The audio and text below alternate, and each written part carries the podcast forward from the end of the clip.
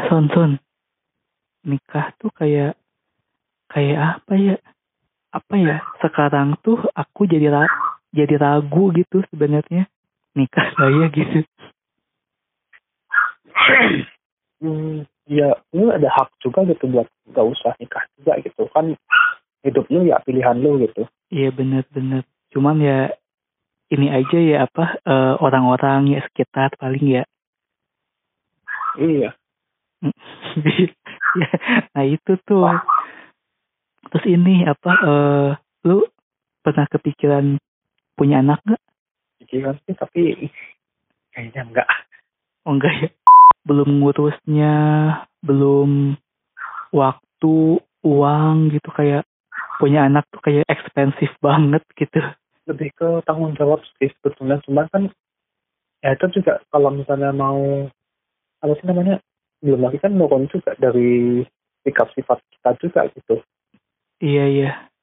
Hah, asa ya ya tapi nggak tahu sih. Ya ya itu mah ya masih masih ragu aja sih. Suka kayak aku tuh lebih suka kebebasan aja sih gitu son.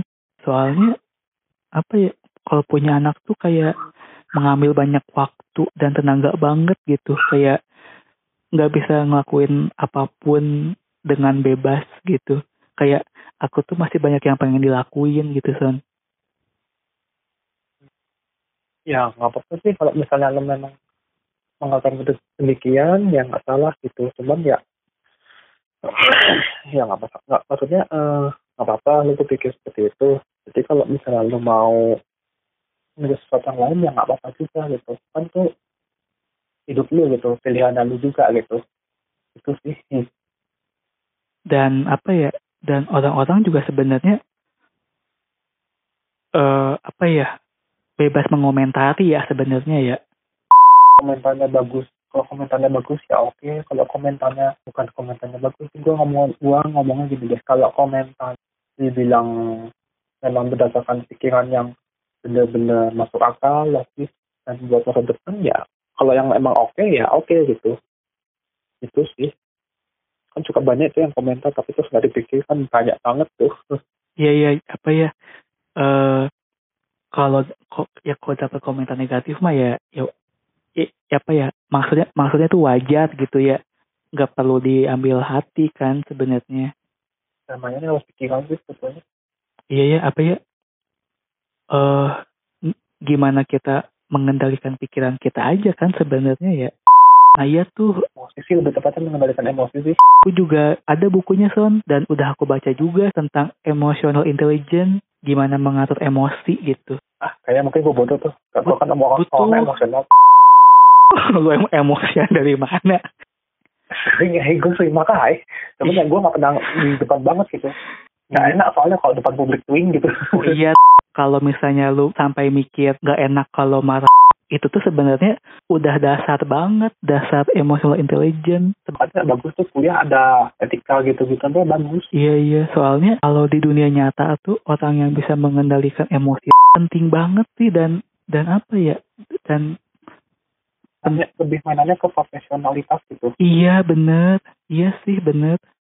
Apa ya namanya manusia hati-hati namanya kan ini kita kerjasama sama manusia lainnya gitu kan. Iya, nah, jadi jangan sampai terlalu mem- apa ya kalau terlalu profesional terlalu profesional juga juga salah gitu. Jadi kayak lama-lama nanti lu simpatinya hilang beneran gitu. Nanti kalau ada orang ah gitu tahu-tahu lu malah nggak berduka gitu kan jadi malah gimana gitu. Kesannya jadi aneh gitu.